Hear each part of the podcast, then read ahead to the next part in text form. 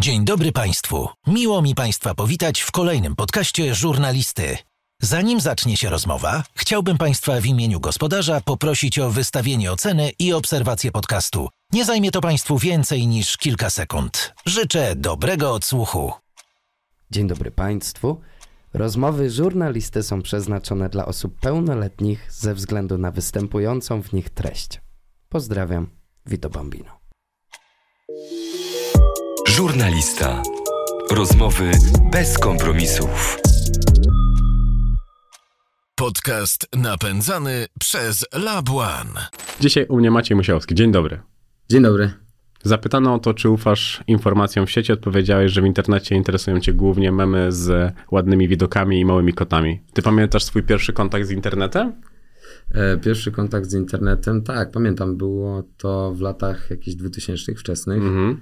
I w zasadzie nie wiedziałem, co się tam robi, więc y, chyba y, wyszukiwałem jakieś informacje o nowej części Harry'ego Pottera.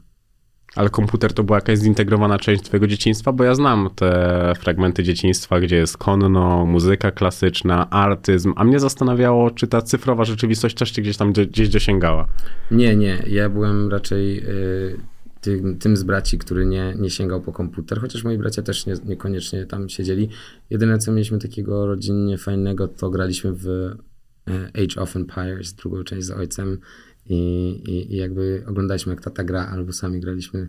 I to była jedyna gra, którą lubiłem, taka strategiczna.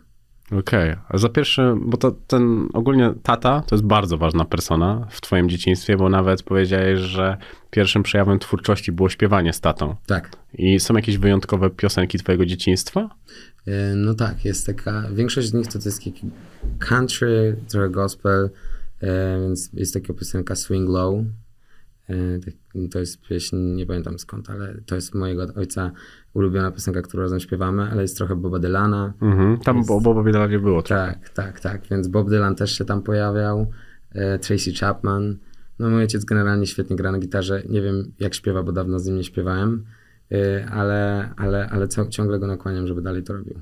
Do muzyki inspirowali mnie rodzice. Ojciec grał na gitarze, mama na fortepianie. To, co brzmiało najczęściej w domu, to był Bob Dylan, potwierdzając to, co powiedziałeś przed chwilą. Bob Dylan, Tracy Chapman, trochę jakiś Buena Vista Social Club, tak, ale mama, mama moja generalnie gra na wielu instrumentach. Tam był też flet. Flet poprzeczny, akordeon, też na gitarze.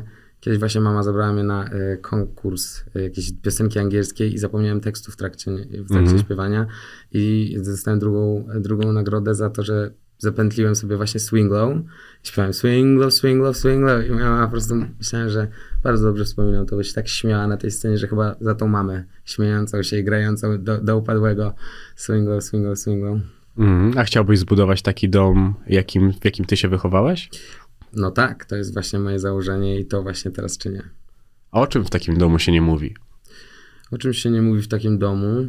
Wiesz co? Mm, ostatnio zwróciłem uwagę, że u mnie w domu, no bo był to dom chłopaków, wielu chłopaków, więc często mam wrażenie, że mieliśmy problem z nazywaniem emocji, że często jakby emocje były, zależy jakby od momentu, ale e, mimo, że ten dom był pełen sztuki, artyzmu i takiego jakby wrażliwości, to jednak przez pryzmat historii mojej rodziny i tego jakby pochodzenia i wszystkich takich zawiłości historycznych, Mm, to te emocje rzeczywiście były takie be, jakby be strong, jakby musisz być silny i, i też się nie mówiło dużo ym, o, o kościele, z którego moi rodzice wychodzili. Moi rodzice, ja się wychowałem, znaczy w moim du- domu dużo było angielskiego, ponieważ moi rodzice chodzili do, znaczy należeli do amerykańskiej e, sekty, o której nie chcę gadać, ale dlaczego nie wspomnieć?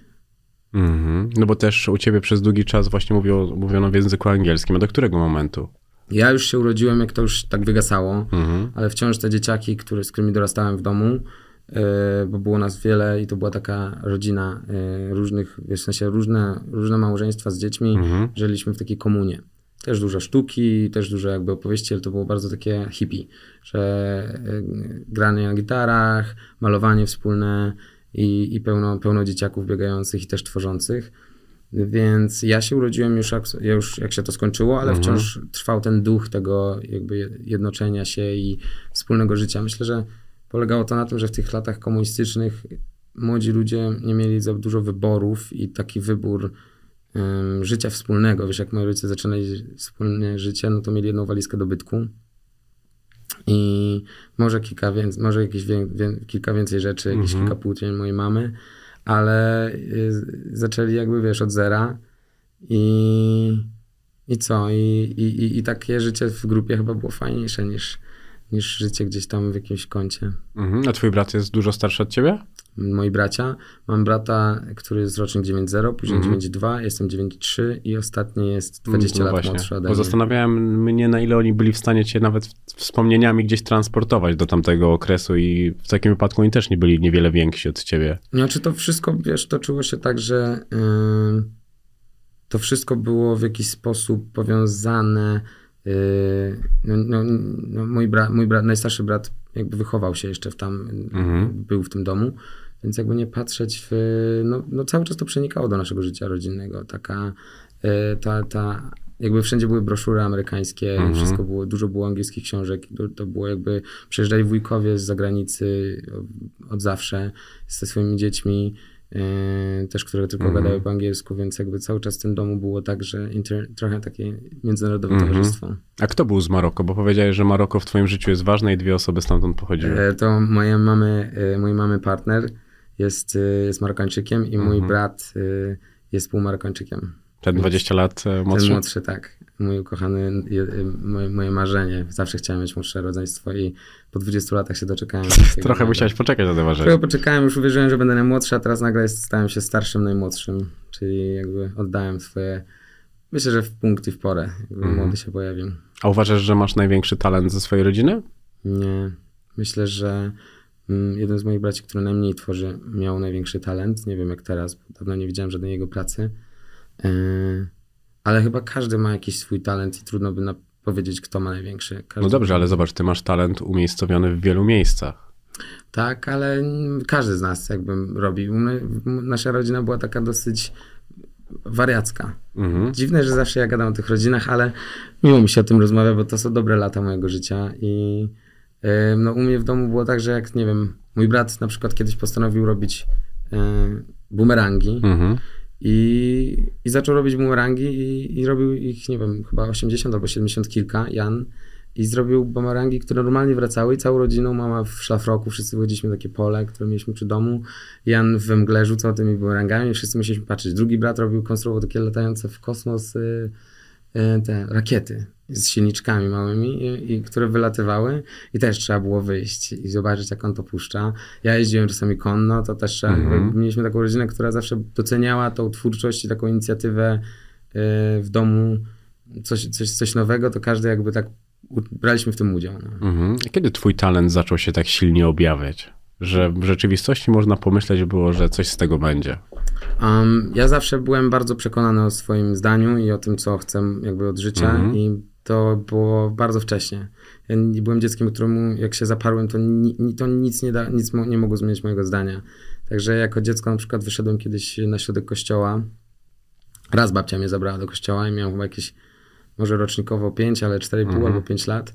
I w pewnym momencie tak już znudzony byłem tym, co się dzieje, że w zasadzie nie rozumiałem, bo u mnie w domu religia to było siedzenie, jakby przy, łapanie za ręce i takie free jakby spe- speaking, bez względu na to, czy mówimy do Buddy, czy do kogokolwiek, jakby to było bardziej o, o duchu, znaczy mówiło się do, mm, do, do Jezusa, ale generalnie to było takie bardzo wyluzowane i hipisowskie gadanie o filozofii bardziej, o, o dobrze, o samym sobie jakieś tam myśl, myśli. A w kościele te wszystkie prze, przebrania, te, te kielichy, to wszystko mi się wydawało takie, do tej pory mi się wydaje jakieś, omija się, mija się z celem. E, mimo, że niektórzy widzą w tym wielki potencjał jakąś swoją prawdę. Ja jej nie widziałem już w tam pięciu, więc wyszedłem, wyszedłem na środek kościoła i, i powiedziałem, że proszę przerwać, przecież to nie ma sensu, co pan robi, tutaj nie ma nawet Boga. I babcia, furia, wyciągnąłem z tego kościoła za ucho. I, jakby za, jako dziecko od zawsze byłem w taki sposób, e, jakiś tam swój sposób wypowiadałem swoje zdanie, no. Mhm. W szkole czy gdziekolwiek, jakby, jak, jak miałem poczucie, że coś jest nie tak, to trudno mi było się powstrzymać, żeby tego nie, nie zapytać, nie powiedzieć. Więc myślę, że ten talent to jest właśnie uwarunkowany tym, że ja zawsze jakby jak coś, jak coś uważam, to lubię to, lubię jakby sprawdzić to, albo zapytać, albo wejść w rozmowę o tym. i sprawdzić, jakie mają inni y, zdanie, więc tak. Ale ty też, to jest bardzo istotne, no bo nawet na tyle się już po prostu poznaliśmy, że ty nie, nie chodzi o to, żeby się z kimś pokłócić, tylko żeby poznać jego perspektywę. I to jest bardzo fajne. Chociaż zdarza mi się też kłócić czasami, no bo jestem emocjonalną osobą i jeszcze, jak zapytałeś o tą astrologię wcześniej, e, no to yy, yy, sprawdzili mi moi znajomi te wszystkie znaki zodiaku, astralne, wszystkie mhm. ognie, no i wychodzi, że jestem ogniem podwójnym, więc jakby mam tego, a poza tym musiałowcy są dosyć emocjonalni i jakby mają takie temperamenty mocne, więc to wszystko połączone. Zdarza mi się po prostu y, no, no tak emocjonalnie reagować. No. Zupełnie naturalny, jesteś artystą. Raczej musisz posiadać jakąś bazę, bazę emocji. Ale opowiadałeś o tym, jak mama rozkładała sztalugi, sama malowała, wszyscy tam malowaliście, wtedy robiliście zajęcia plastyczne. Są obrazy z tamtego czasu, które przetrwały? Tak, jest, są jakieś y, rzeczy, ale to się nazywało School Time, Happy Time i mama jakby, żeby mhm. mieć swoje własne, swój własny moment dla siebie, no to moja mama bardzo sprytnie nas wychowywała, czyli jeżeli na przykład już ją męczyliśmy albo potrzebowała czasu dla siebie, żeby sama tworzyć, to, to na przykład wynajdowała nam jakiś, yy, mówiła, że na końcu lasu jest skarb, który schowała i my mhm. biegliśmy do tego lasu i go szukaliśmy, albo wynajdowała jakieś takie zadanie dla chłopców, które my, my z, jakoś, jakoś z jakąś totalną chęcią robiliśmy, ale też często się działo tak, że no, rozstawiała nam mniejsze foteliki albo jakieś tam pracownie, trochę wełny jakieś i mówiła, że teraz lepimy weł, mhm. wełniane chmury i wszyscy siedzieliśmy i robiliśmy jakieś wełniane chmury, a ona na przykład nas malowała wtedy i robiła nam portrety, więc to było takie, to były, to są ładne wspomnienia. A jeżeli chodzi o kary, to jest też nieod, nieodzwonny element dzieciństwa. Kary istnieją w dzieciństwie. Jejku, czy my mieliśmy kary? Właśnie, to mnie zainteresuje. Czy Jak się was karało? Czy my mieliśmy kary? Hmm. No wydaje mi się, że karą, znaczy nie, ojciec tłumaczył bardzo długo rzeczy. Mhm. Siedział i my siedzieliśmy we trójkę przed nim i on tłumaczył. I tłumaczył, i tłumaczył, i tłumaczył, i tłumaczył, i tłumaczył, aż wytłumaczył. Ale chyba kilka razy zdarzyło się na przykład zamieść yy, ca, cały, cały taki, cały ogród wokół domu, w sensie tam ścieżki zamieść, czy tam zagrabić, jakieś takie rzeczy, ale nie było kar raczej, to wszystko mhm. polegało na, na jakimś takim rozmowie. A co było poza artyzmem w tym domu? Kurde, dużo o domu. E, w moim domu oprócz artyzmu było pełno... E, było, co było poza artyzmem? Była miłość, były emocje, były czasami pieniądze, bo moi mhm. rodzice pracowali, więc bardzo jakby wszystko, co zawdzięczali, wszystko, co my mieliśmy, co nam dawali, to polegało na ich pracy i ich jakichś takich pomysłach na życie. Mhm. Było zawsze pełno gości, zawsze pełno mhm. znajomych. Mm. Y, no i co? No głównie pamiętam, na przykład przyjechali do nas raz przyjaciele z Węgier na weekend z dwójką dzieci i zostali na rok. Mieszkali za nami w rok. I, y, i, i po prostu wujek Arek a nie, on miał Adam, Estera chyba miała jego żona na imię, Artur i Róża. I oni przyjechali dokładnie na weekend, no i, i, i mieszkali z nami rok, te dzieci miały homeschooling chyba mm, i żyli sobie z nami i po prostu było tak, yy, tak długo, długo, mm -hmm. długo spędzali z nami czas. A jakbyś miał wspominać miłość z tamtego domu, to jak ona wyglądała? Interesuje mnie to nawet w perspektywie tego, co powiedziałeś, że było dużo chłopców, facetów. Skakanie na mamę z blatu, sensie takie zabawy, ale też ja gotowałem zawsze. Mhm. To, to mama... marzenie o kucharzu. Tak, ale moja mama nie, moja babcia też świetnie gotowała, a, a ja, moja mama była zbyt rozkojarzona i w zasadzie często y, jak wpadała na pomysł na jakieś danie, to gotowała je przez kilka miesięcy i udoskonalała je, czyli dorzucała kiełki, tu coś tam i jakby w, w rozpaczy ja zacząłem gotować, ale też ja bardzo lubiłem, bo to też jest takie kreatywne. W sensie gotowanie jest, mal... ja zawsze sobie myślałem, że to jest jak malowanie, tylko smakiem mm -hmm. i tutaj sobie też dodać i nagle wyjdzie inny kolor i, i więc, więc miłość to było też to. Miłość była w wspieraniu siebie, w... ale fajne to jest, bo ostatnio ciekawe to jest e, doświadczenie, tak sobie myśleć o tym na nowo. Mm, co było jeszcze miłością? Na pewno cierpliwość do samych do siebie. Myślę, że cierpliwość też do mnie, jeżeli chodzi o mnie, bo ja można powiedzieć, miałem różne stany, byłem czasami taki neuro, neurotycznie nadwrażliwy, mm -hmm. że wręcz taki bardzo delikatnym chłopcem byłem i, yy, i jakby to było, to było pewnie okazą, okazem miłości i też spełnianie marzeń wszystkich, czyli nie wiem, chcieliśmy, moi bracia chcieli motory, to w jakiś sposób wiesz, to nie było nigdy tak, że chcemy motor i mamy motor, tylko to jakoś tak było, że działaliśmy w tym domu i zasługiwaliśmy Mhm. na to. To zawsze było wiadomo, że my musimy, nie musimy coś zrobić, tylko że jeżeli będziemy współpracowali w tym wszystkim i robili jakieś piękne rzeczy z rodzicami, to oni będą chcieli z nami robić te rzeczy. Jeżeli nie, no to, y, no to nie. Ale o, i ojciec zabierał nas zawsze na ryby. Na kajaki i ryby. To Mhm. było też takim bardzo pięknym, miłos, miłosnym momentem. No i śpiewanie. Granie, śpiewanie, oglądanie filmów. Miałeś moment, w którym poczułeś się niezrozumiany? Tak, naturalnie. No chyba każde dziecko ma ten moment, że, że rzuca kamieniem w rzekę i mówi nikt mnie nie rozumie, albo krzyczy nienawidzę was.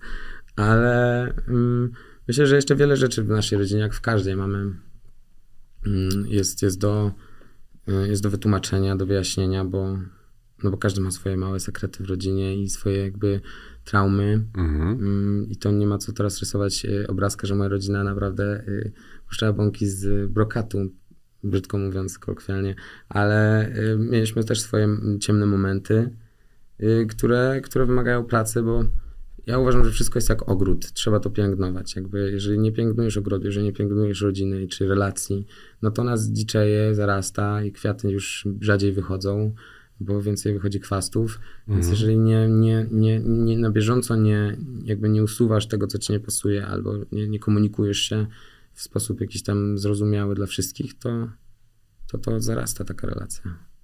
A wasza relacja kiedyś zarosła? Em, tak, tak.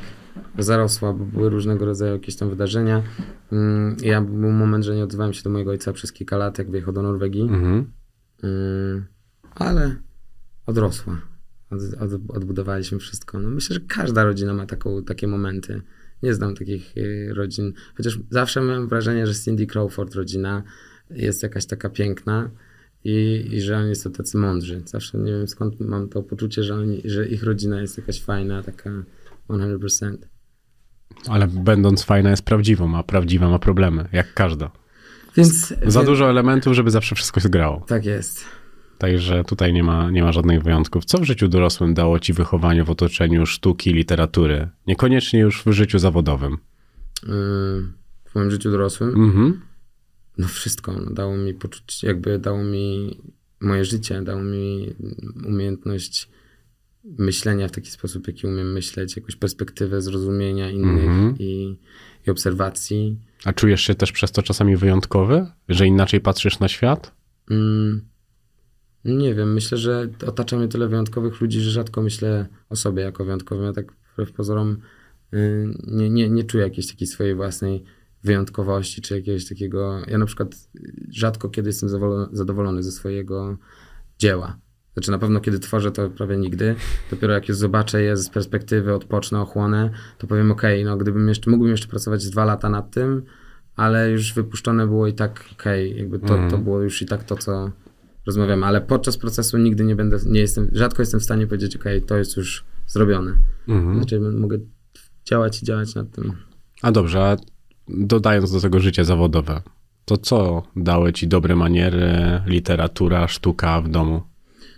Ym, Wiesz co, to było tak, że mój dom nie był aż tak czytający. Moi rodzice nie byli, w sensie moi rodzice zachęcali nas do czytania, ale to się działo tak, że chyba wszystko zadziałało na to. My dorastaliśmy, moja mama jest taką wizjonerką, marzycielką, więc ten dom był po prostu piękny. To był Schwiedermajer i tam był fortepian i był las i były konie i nasze charaktery, że z jakimi przyszliśmy na świat też wypełniały ten dom, więc e, to nie było tak, że my byliśmy jakąś tam rodziną, jak z Name, takich intelektualistów i wyższej klasy. My byliśmy po prostu zwykłą, fajną rodziną. Moi rodzice, wiesz, e, byli, zajmowali się sztuką, czerpali z niej radość, ale nie, nie mieli jeszcze też takiego nigdy nie występowali tak poważnie publicznie. Moja mama e, jakby zaczęła być matką bardzo wcześnie, więc tam kariera malarska chociaż była bardzo do, dobra e, w szkole i jej, jej obrazy są moim zdaniem świetne. To to wszystko było takie nie wiem, jakieś takie życiowe. Tylko znaczy to, to romantyzm tej mojej mamy, to, że ona w tych biał, białych sukienkach i kapeluszach pieliła ten ogród i że tak jakby lubiła noce i dnie, więc te noce i dnie grała sobie i budziliśmy się w niedzielę do nich, że, że spełniali te nasze marzenia i sami spełniali swoje, to to wypełniło mnie taką, takim poczuciem, że można żyć marzeniem i że niekoniecznie wszystko musi być jakimś cierpieniem albo jakimś dążeniem do, że długo będę nie żył swoim marzeniem, żeby kiedyś żyć. Ja jakby mam takie podejście właśnie przez to, jak się mnie wychowano, że, że właśnie tu i ten, ten moment sprawia, że jestem szczęśliwy. Mhm. Jakby to, jak się ubrałem, to, jakie jedzenie zdecydowałem sobie zrobić, to wszystko jest sztuką, jakimś takim sztuką wy- wyborów. Ale przez to na przykład, że twoi rodzice byli z definicji artystami, ale zawodowo nie, to na przykład kiedy ty chciałeś wybrać taką drogę, jaką wybrałeś, nie mówili ci tego, że słuchaj, to może być różna droga? Mm, nie, nie, nie, nie. Oni zawsze wiedzieli. W sensie to nie było żadnych pytań, bo ja piosenki pisałem babci moja kochana o pierożkach Mhm. y, już jako dziecko. Później spektakle teatralne, książki pisałem. Jakby zawsze po prostu dostarczałem im jakieś rzeczy. Y, więc nie, nigdy mnie nie uprzedzali od, przed tym. Y, No, oczywiście jakby każdy robił swoje. Mój ojciec grał na gitarze wieczorkami, Mhm. oglądaliśmy filmy, ale robił biznes swój. Każdy robił tak jakoś swoje i rzadko było coś takiego, że ktoś się wtryniał komuś. W sensie jak ktoś pytał o zdanie, o radę, no to mm, była ta rada, ale tak było raczej wolno. A ty pytałaś o rady? Mm, nie wiem. Zależy, znaczy tak, na pewno mm, pytam różnych ludzi o rady, ale od dziecka raczej miałem jakiś taki kompas, że, nie, że jakby szedłem sobie swoją drogą. Wolałem Mhm. podejmować decyzje i sprawiało mi to zawsze przyjemność, że jestem jakiś niezależny w tym i że wolę popełnić swój błąd, ale no wolałem jako dziecko, ale często pytałem o radę, zdaje się. Tylko nie wiem, teraz tak trudno mi sobie przypomnieć, czy w tym, czy w domu jakoś spe- specjalnie chodziłem i, i się jak wypytywałem kogokolwiek. No przypominam ci, że byłeś tym dzieckiem, które zadawało miliard pytań, więc Przypominałem zastanawiam miliard pytań, zapytałem, zadawałem miliard pytań, ale to było jakby w szkołach chyba raczej, co doprowadzało nauczycieli do, do obłędu, bo, yy, bo ja po prostu zadawałem, za, z, znaczy no, no, trudno powiedzieć, często zadaję pytania, to chyba jest yy, yy, znaczy pewne, ale czy, czy w moim domu? No pewnie tak, ale nie pamiętam. Twoi rodzice mieli kilka sklepów w Warszawie. Tak. Czym tam się handlowało? O kurde, skąd to wyciągnąłeś? Znaczy ja dokładnie wiem, czym też spokojnie. Tak, e, handlowali e, galanterią skórzaną, Mhm. czyli rzeczami od wujków e, górali, kiedy jeszcze takie były, wiesz, Mhm. nie masowo robione i też tam do nich jeździliśmy i wiesz, to były 2000, to było normalnie, to był szał. I moja mama też zaprojektowała takie czapki, które szyła i w sensie u pani krawcowej w miejscowości Ostrówek i te czapki też, pamię- pamiętam moment, że w Warszawie wszyscy chodzili w tych czapkach Mhm. ale one były w dwóch sklepach i nagle wszyscy takie futrzane. E, w sensie nie z futra, tylko takie jakby Mhm. wyglądały jakby z jakiegoś dziwnego materiału. Więc różnymi rzeczami handlowali. Później, później, później jakimiś takim galanterią skórzaną. Później moja mama przejęła jakąś firmę i też prowadziła tą firmę, ale generalnie mieli jakiś taki swój własny dwutysięczny biznes. E, ze sklepami. Z, ja pamiętam ten, ten zapach e, tych kapci skórzanych i tych skór i często jakby po szkole no, spałem sobie pod stoiskiem e, na tych skórach i to było takie jakby fajne, bo ten tłum ga, gadał, a ja byłem Mhm. w swoim małym świecie. Potrafili łączyć artyzm z biznesem? Myślę, że tak, no. Myślę, że jak najbardziej, bo znaczy moja mama też y, w tych dwutysięcznych dekorowała centra handlowe. Mhm. i robiła te wszystkie jakby wielkie instalacje. To były te czasy, kiedy jeszcze nie było tych firm, więc jakby ona, ona to robiła, jeździła tam nocami, pamiętam. I, I jak przychodziłem do tych centrów, tak patrzyłem na dzieła mojej mamy, jakieś wielkie bombki, czy i przypominam sobie, jakimi rozwiązaniami je robiła, to, to, to też otwierało jakoś tam głowę. Byliście bardzo zamożnymi ludźmi? Nie, nie sądzę. Znaczy, na, na pewno niczego nam nie brakowało i często i, i mieliśmy fantastyczne życie, ale nie wiem, czy byliśmy bardzo zamożnymi. Myślę, że to ciągła była praca nigdy nie mieliśmy też takiego od rodziców mm, powiedzianego, że jesteśmy bogaci, albo nigdy nie mieliśmy takiego poczucia, że Mhm. jesteśmy jakoś bogaci. Zawsze mieliśmy poczucie, że na wszystko trzeba zapracować i zasłużyć, To dobre wychowanie. żeby, żeby to dostać. Jeżeli chcesz, to jakby to udowodnić, że chcesz. To nie wiem, nau- zdobądź dobre na oceny. Jakby dobrze przyłóż się do nauki, albo nie wiem, nie wiem, no.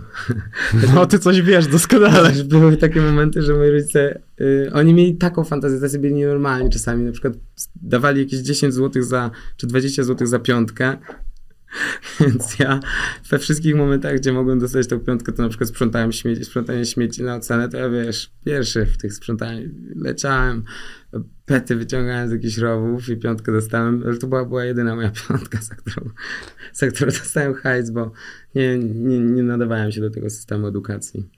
U ciebie w domu nagrywano też dużo filmów na VHS. Tak, i boję się tego.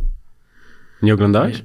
Znaczy oglądałem to z najmniejszego dzieciństwa, gdzie byłem taki, wiesz, jeszcze, jeszcze takim pędrakiem. I to rzeczywiście jest kilka ikonicznych, śmiesznych momentów.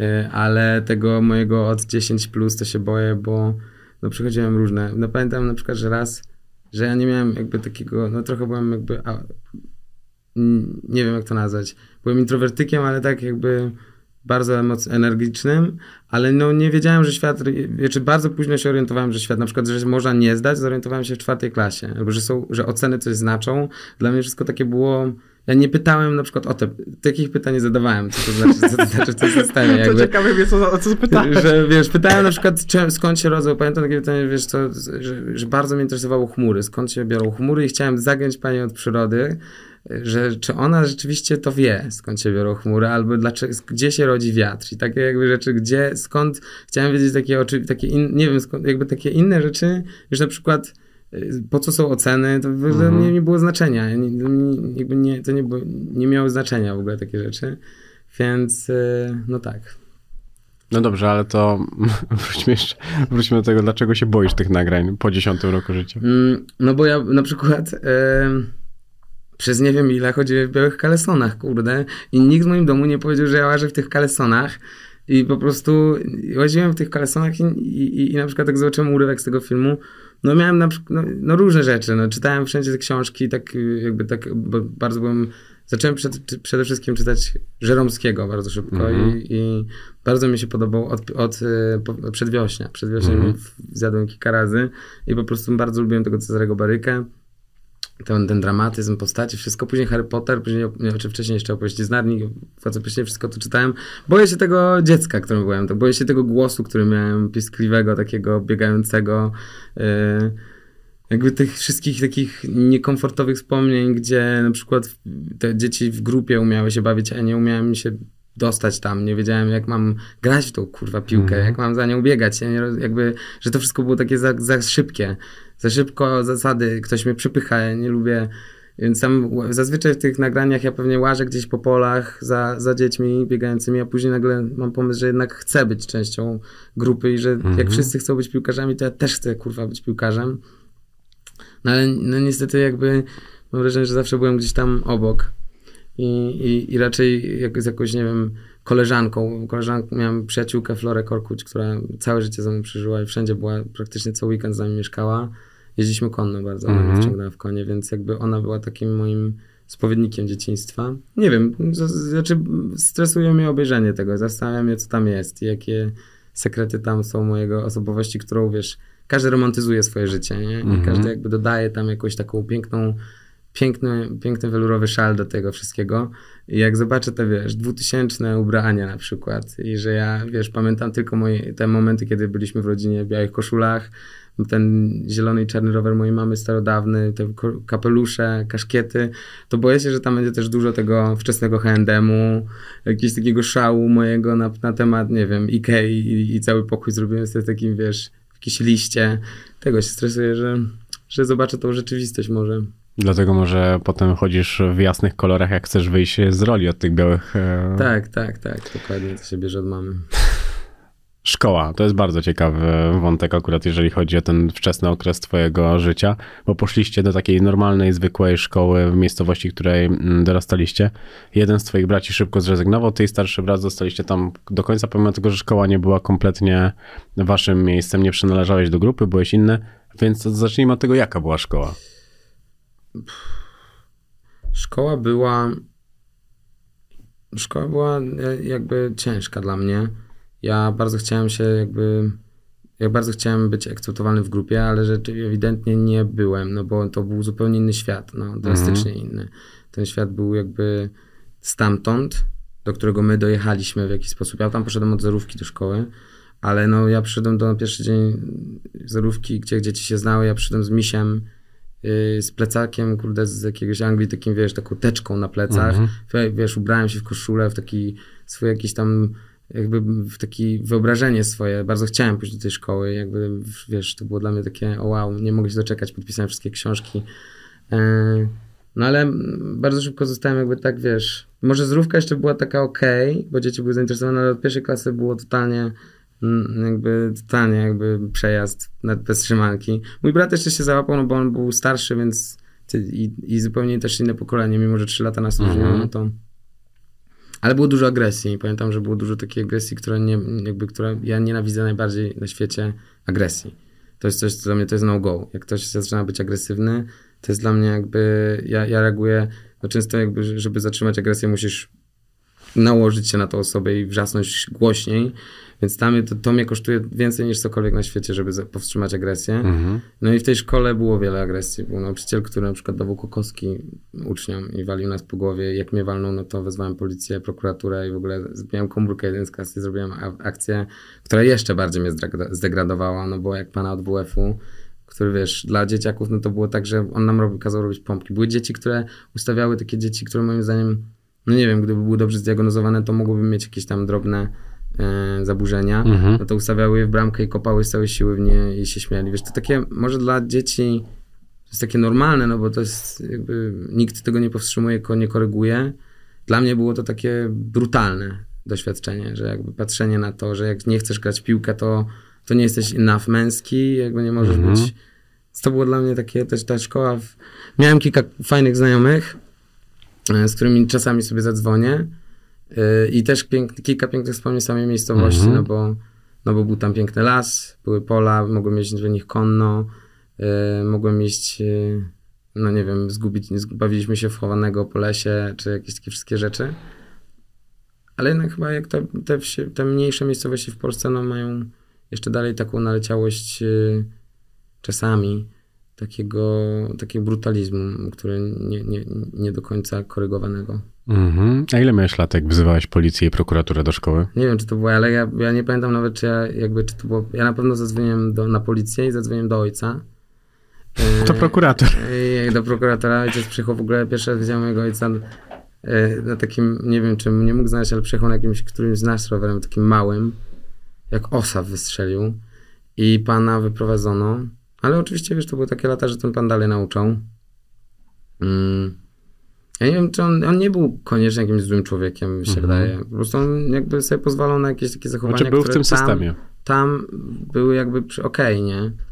Czyli jakby trzasnąć dziecko z takiego, on się to nazywał kokoska, tak, nie? Jak, jak coś robiło. No, kurde, człowieku jakby no go, nie?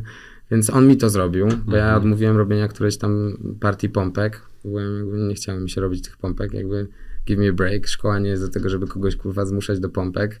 Jakbym, jak będę chciał to robić te pompki, no to okej, Mhm. ale mogę w tym momencie inaczej się, mogę się rozciągnąć, mogę zrobić, nie wiem, przebiec się gdzieś, żeby nie koniecznie ale ja byłem zawsze tak, że wyznaczałem sobie pewien Mhm. sposób. Ale no, on też chyba przeginał z tymi pompkami. No i, i walnął mnie w tą głowę.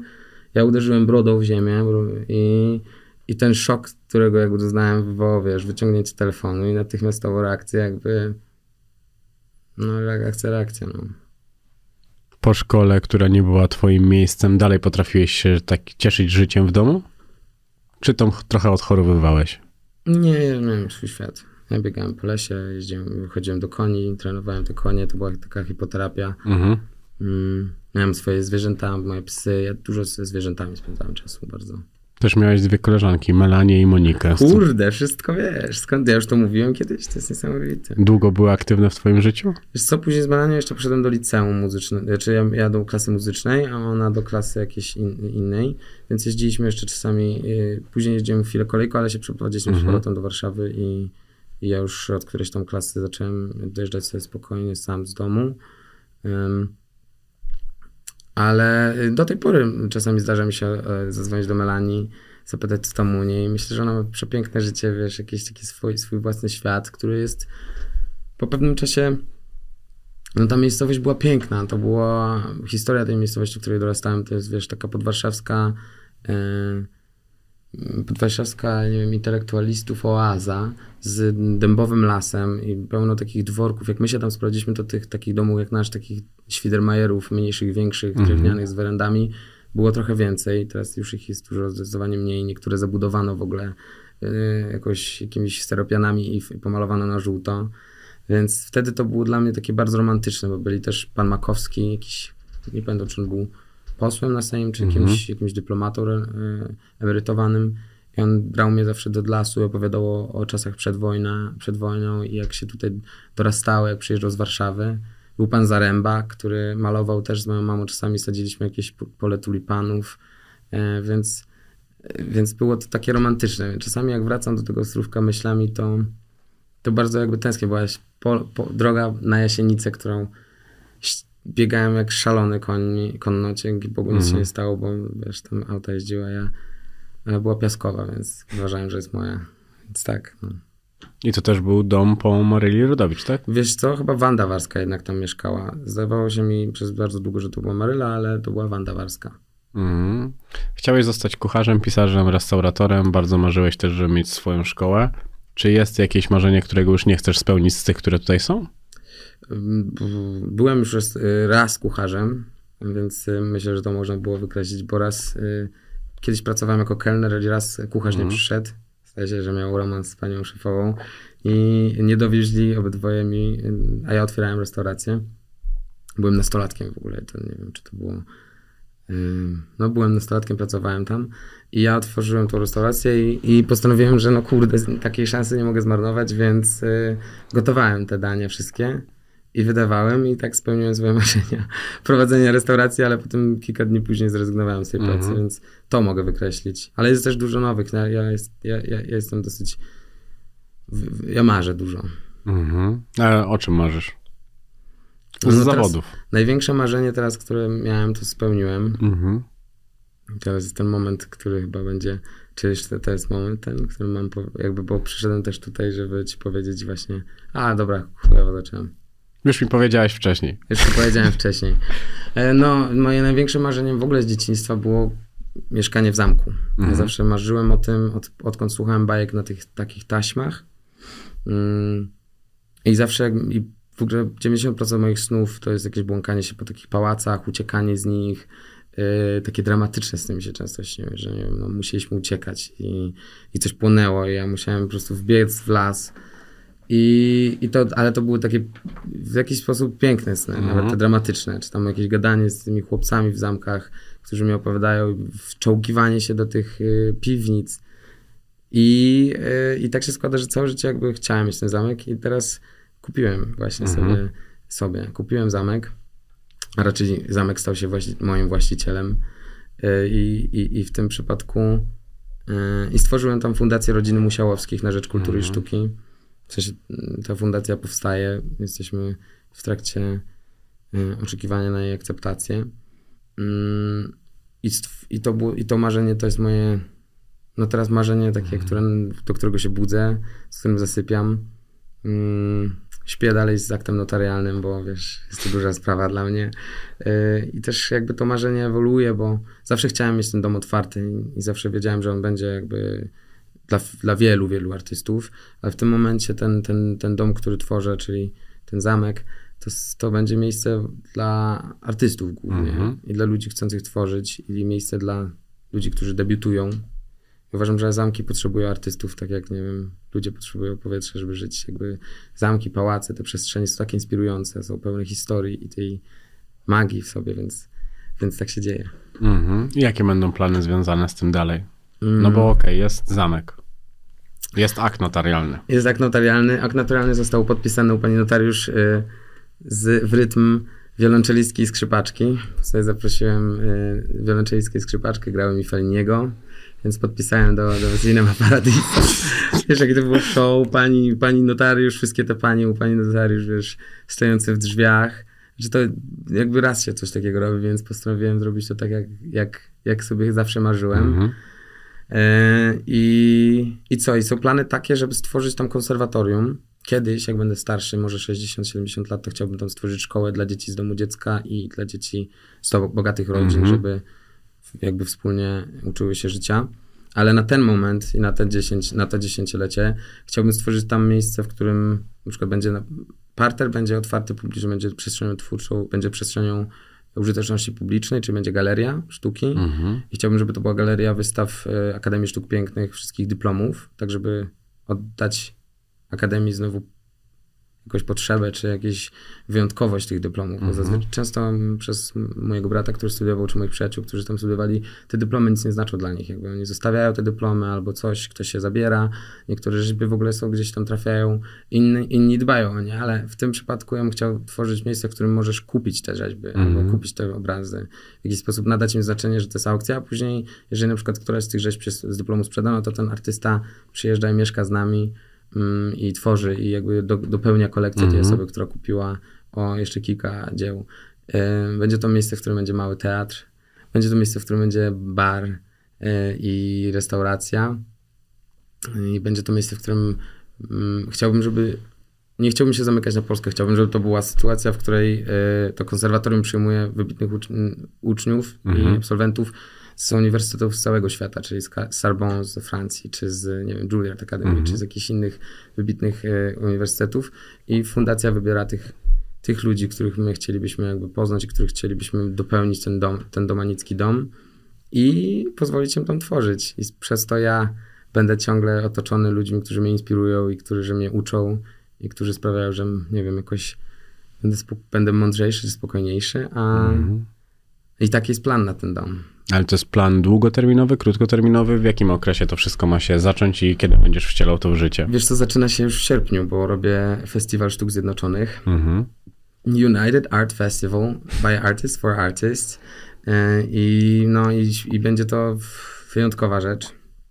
W tym roku będzie mniejsza, bo będzie, nie chcemy zahaczać o jakąś e, dużą imprezę, więc e, będzie to, to mniejsza sytuacja, ale ewidentnie będzie to, jakby ten dom już teraz chcę, żeby zaczął żyć, ponieważ pierwszym festiwalem chcę wstawić okna, e, bo tam dużo trzeba zrobić, tu dużo było zrobione, ale dużo trzeba zrobić. No, mówmy się, mogłem kupić sobie mieszkanie gdzieś tam w Warszawie, Mhm. z widokiem na centrum albo na łazienki, ale to jest jakby, to nie jest mój styl. Ja chciałem zrobić coś, co...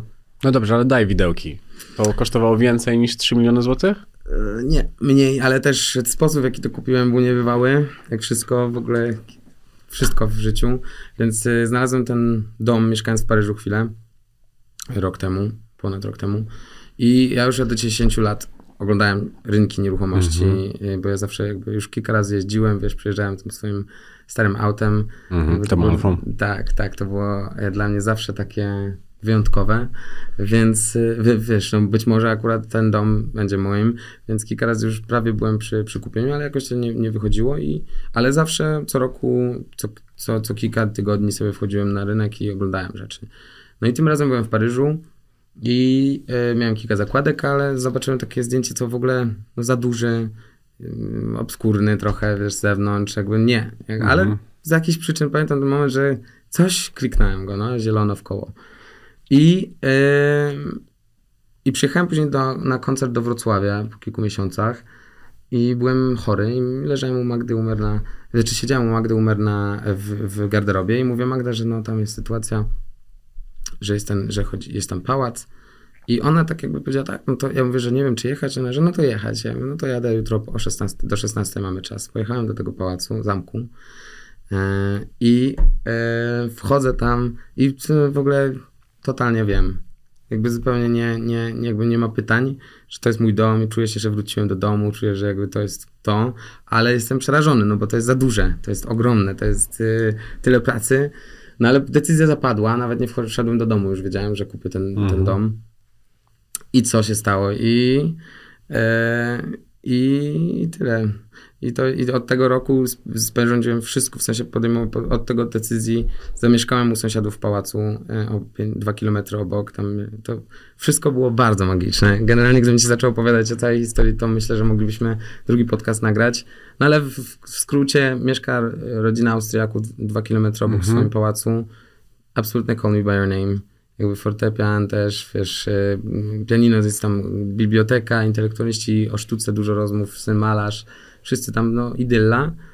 I, e, I oni mi pomogli jakby zrozumieć w ogóle, co, co mnie czeka, co będzie, Mhm. jakby jak, jak sprawić też karmicznie i tak duchowo, żeby to nie była moja gotyczna podróż mojego marzenia, tylko bardziej jakby misja, ale to też jakby też naturalnie przyszło, no bo Mhm. ja od zawsze miałem takie potrzeby stworzenia wspólnego domu. I co? I teraz, y, teraz co się dzieje? Teraz Mhm. zagrabiam sobie tam, działam. y, W parku biegają zamknięte trzy sarny. Jeszcze nie wiem, co z nimi zrobić, jak je wgonić, ale na razie tak mi się podobają, że, że ale wydaje mi się, że trzeba im zwrócić wolność. No dobrze, a nie boisz się? Bo poza tym całym artyzmem i pięknem tego, o czym opowiadasz, to też jednak bardzo duża biznesowa inwestycja. Ale czego można się bać? Jakby ja się generalnie nie boję, albo Mhm. staram się nie bać. Uważam, że lęk jest najmniej potrzebną emocją w życiu i przynosi najmniej pozytywnych albo jakichkolwiek konstruktywnych efektów.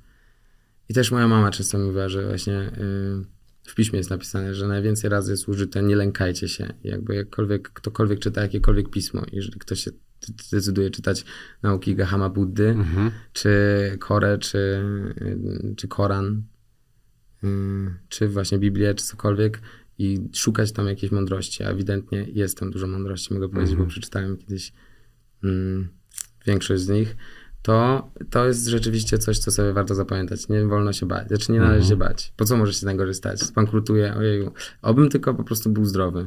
Okej, a będą tam ludzie, którzy będą ci w tej całej zabawie pomagali, czy to jest tak bardzo na razie twój autorski Naturalnie. pomysł? Nie no, oczywiście, że jest tylu już artystów, którzy, wiesz, pomagają we, we wszystkim. Mm, No na pewno jest, wiesz, są, są ludzie, przy tej, przy tej historii się pojawiło tylu aniołów, stróżów, że to jest niebywałe. Jakby nagle pojawia się architekt, który mi pomaga, bo po prostu nigdy czegoś takiego nie widział, żeby ktoś coś takiego y, się rzucił na coś takiego. Nagle pojawia się pani e, Małgorzata, e, która, która po prostu jest byłym konserwatorem i pomaga mi składać wszystkie wnioski, bo, bo też jakby w pewien sposób pojawiła mi się w życiu i się jak, jakoś tak to potoczyło. Jest mnóstwo artystów, którzy na festiwalu właśnie będą występowali, tworzyli ten festiwal.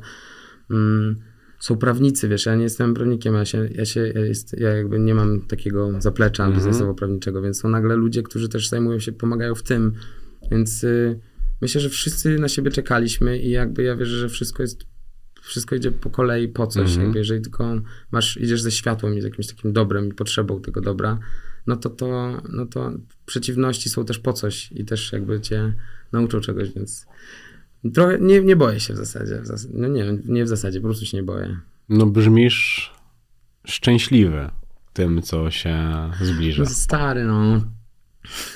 Jak wjeżdżam tam, jak latają gęsi nad tym domem, jak po prostu stoję na dachu i patrzę na jezioro, które stoi naprzeciwko. Ten, ten dom jest na skale, jeszcze jak, dokładnie jak u Witkacego, na skale czarnej spadającej w morze. W sensie nie ma tam morza, jest morze zieleni, ale jest rzeka pod spodem też. W sensie to jest tak romantyczne i piękne miejsce, że ja nie mogę się doczekać, żeby spełniać te wszystkie swoje wariackie pomysły, żeby, nie wiem, nago spłynąć z jednego pałacu tego, tych sąsiadów, wiesz, do mojego i, i, i ubrać się w wiszący już e, szlafrok. Robić te wszystkie wariackie rzeczy, grać tego Felliniego na dachu, albo nauczyć się grać na trąbce, żeby z wieży grać trąbkę codziennie przez kilka lat. Jakby jeździć dorożką e, na stację, odbierać przyjaciół. To wszystko jakby żyć tak jakby, jak chcę, jak, jak mi się marzy. Nie oglądać tego życia, którym bym chciał żyć w filmach, tylko tworzyć te, to życie teraz. I, I jestem szczęśliwy, no dzieje się to wszystko. I Znajdzie się tam miejsce do jazdy konno? No oczywiście, że tak. Tam są też sąsiedzi, którzy mają stajnie, rodzina Mazurków, która y, ma długo, długo pokoleniową tradycję jeździecką. Chciałbym tam założyć mały klub polo, bo też nikt, to jest jedyny sport jeszcze jeździecki, którego nie, nie próbowałem i nie trenowałem, więc bardzo bym chciał się nauczyć. Ale generalnie konie to jest nieodzowna część mojego życia, więc na pewno się pojawią konie. No zawsze, kiedy sprzątałeś stajnie i byłeś sam, włączałeś muzykę klasyczną. O czym, lubi... RMF Classic. o czym lubiłeś wtedy myśleć?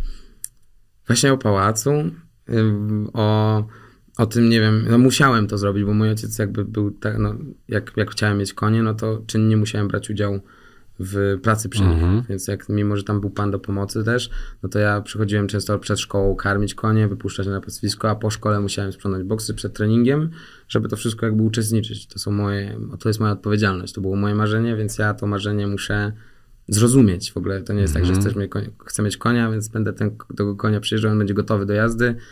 Tylko ja musiałem całkowicie się nauczyć tego, tego tej pracy i dzięki Bogu, bo, bo dużo mnie to nauczyło, więc wtedy w tej stajni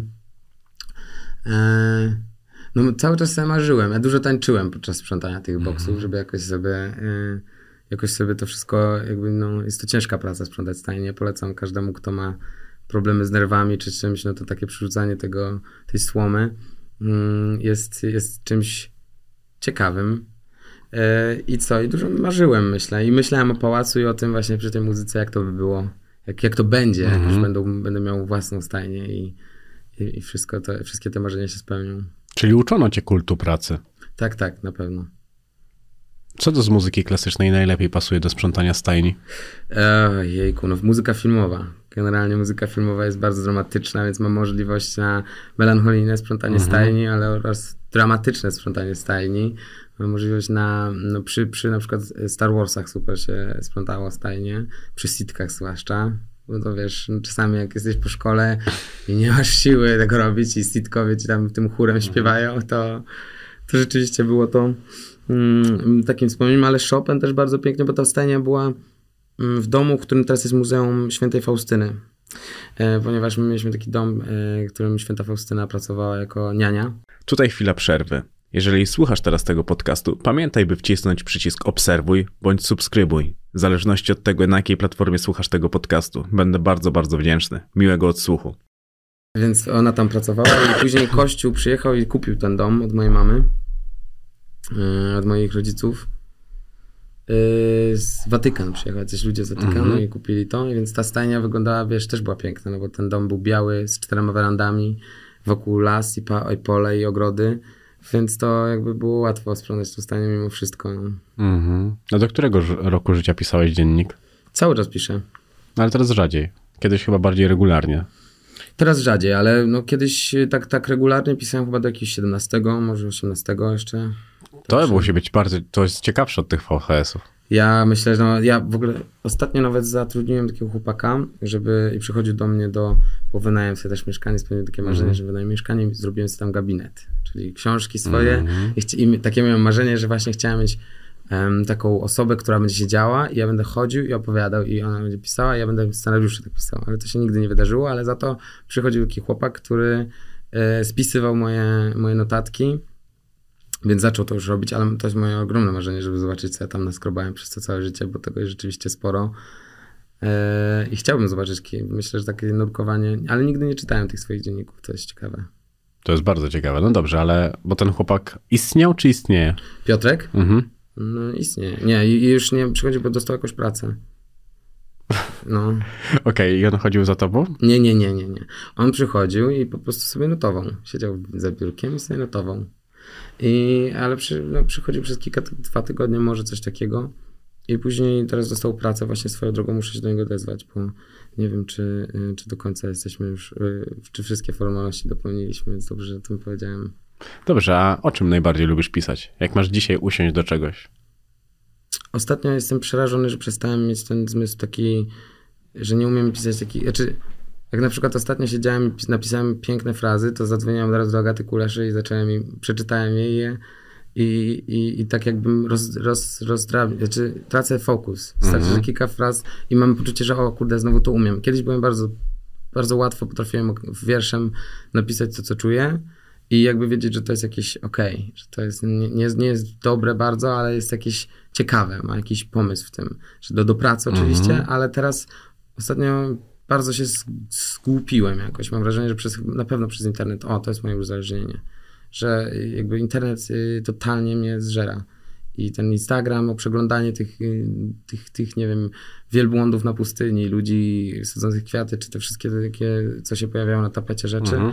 to jest y, bez, jakby to, może to zabiera mi umiejętność pisania, ale gdybym dzisiaj miał siąść i napisać, to pewnie opiszę to, co robiłem, bo miałem dzisiaj ciekawy dzień Mhm. od rana i przymierzałem y, mundur y, Piłsudskiego na przykład dzisiaj, i, ale też y, spotkałem się z osobą pomagającą mi organizować y, festiwal. Dostałem jakieś czasopismo o architekturze, które będę chciał, chciał sobie przejrzeć. Opiszę to wszystko. Mhm. I zazwyczaj to jest taki spis tego, co robiłem. Taki jakby i tego, co myślałem, co czułem, albo jakiś, mm, jakiś pomysłów. Wiesz, że Andrzej Seweryn ma coś takiego od jakichś wczesnych lat 70., albo nawet jeszcze trochę wcześniej?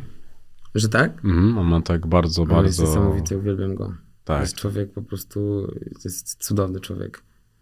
Powiem ci, że krępuje mnie w ogóle generalnie. y, Ja nie, nie przepadam za mówieniem, w udzielaniem wywiadów, bo mam wrażenie, że to jest, ja już wychodzę za stronę tej osoby słuchającej się zastanawiam, jak ja zostanę dobrany, bo to jest takie nietypowe, wiesz. Dlaczego to jest nietypowe? Świetnie bo- wypadłeś. Znaczy, no bo wypadłeś. nie jest, to, typo, nie jest to, to nie jest typo, jakby dla mnie naturalne stawiać się w takiej roli osoby, która ma coś tak dużo do powiedzenia zazwyczaj, bo to jest, wiesz, normalna rozmowa to polega, że rozmawiamy, a nie ktoś mi zadaje pytanie, na które odpowiadam. I tak mam wrażenie, że nieelegancko odpowiadam, że strasznie długo.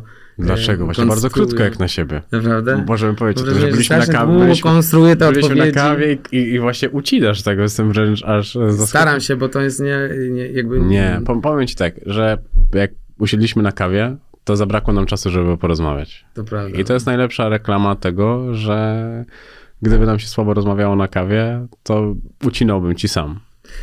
No tak, więc- więc... na tej kawie mieliśmy bardziej taki naturalny rodzaj rozmowy. Tu mamy rodzaj... Yy... Nie, tutaj ja mogę cię poznać. Na kawie rozmawialiśmy po prostu nie o tobie. Wydaje mi się, że to jest główna, e, główna różnica. No i to jest ten problem właśnie, że jako... ym, że czasami po prostu krępujące jest takie... Ale zobacz, ty jesteś artystą. To, to, to chyba jest definicja całej tej rozmowy. No. Zachowujesz się w wielu kwestiach inaczej niż wielu ludzi, ale to też tworzysz postać siebie, takiego, jakim sam wymarzyłeś sobie. Czy no tak, no. Więc to ja uważam, że że właśnie na tym polega piękno artysty. Wiesz, to jest tak, jak ja zawsze mówię, że mm, ja nie potrzebuję że artysty, żeby był normalny. Że więcej. Ja lubię, żeby artysta był popierdolony. Żeby artysta robił rzeczy, na które ja nawet nie jestem w stanie sobie pozwolić. Artyści, artyści, artyści. Brakuje według mnie takich wariactw. Brakuje Tak, ludzi, bo kurde. artyści Jak śpiewasz koncert, to ja bym chciał z kimś po tym koncercie, nie wiem, wejść na dach tego hotelu, ale nie ma. Wszyscy są trochę tak zachowawczy ostatnio. No bo boją się mediów, boją się oceny. Uwierz, że gdyby dzisiaj żył Kurt Cobain, No właśnie, gdzie są wiesz, ci ludzie? wiesz, gdzie jest... wiesz kim on by był w mediach? No, no tak, a Bob Dylan? Jak, wy- jak, jak, No. Jakim był w ogóle niebywałym intelektualistą i mądrym, jakby takim zdystansowanym do, do opinii ludzi e, człowiekiem, bo to jest kwestia tego, że ty wiesz, co chcesz i jakby nie potrzebujesz potwierdzenia i to też wkurza ludzi często. Mhm. Ale- No i dzisiaj jest krytyka też dużo mocniejsza, no bo każdy może cię skrytykować. Kiedyś mogła skrytykować cię gazeta, ale A teraz na, w internecie, na, na portalach wszyscy, no to prawda. Chociaż no, mi się jakby wydaje, że otaczam się tymi ludźmi, którzy po, potrafią. Nie zawsze są, to nie muszą być tylko artyści. mhm. znaczy artystą można być nie uprawiając tego zawodu. Dokładnie, no, są artyści w życie i jakby są, wszyscy moi przyjaciele są artystami w jakiś sposób y, swój wyjątkowy, więc tak, ale mam takie poczucie, że w tym środowisku takim nazywanym artystycznym często jest tak, że właśnie jest taka zachowawczość. Dużo kalkulacji. Takiego, ale też takiego dystan- takiego, że nie chcą się, nie chcą się zachować tak, żeby ktoś ich skomentował, chociaż no, są, Są ci starsze pokolenia. są. Dlatego ja tak bardzo lubię tych wszystkich y, starszych ode mnie artystów, aktorów, którzy mają już tak Mhm. w dupie to, że potrafią się normalnie bawić, nie? No, Jakby, Czyli co, lubisz pana Chyrę? Nie, nie mamy jakiegoś, nie znamy się tak bardzo Mhm. prywatnie, ale widzieliśmy się kilka razy i dyskutowaliśmy, coś tam opowiadaliśmy sobie, ale lubię na przykład Agatę Kuleszę za to, że na planie potrafi, wiesz, przekuć ten balon i po prostu na chwilę między zdjęciami, jak jesteśmy wykończeni, się bawić coś głupiego, wymyślać jakąś głupią zabawę, chowanego choćby i, i mieć głupawkę po prostu z tego.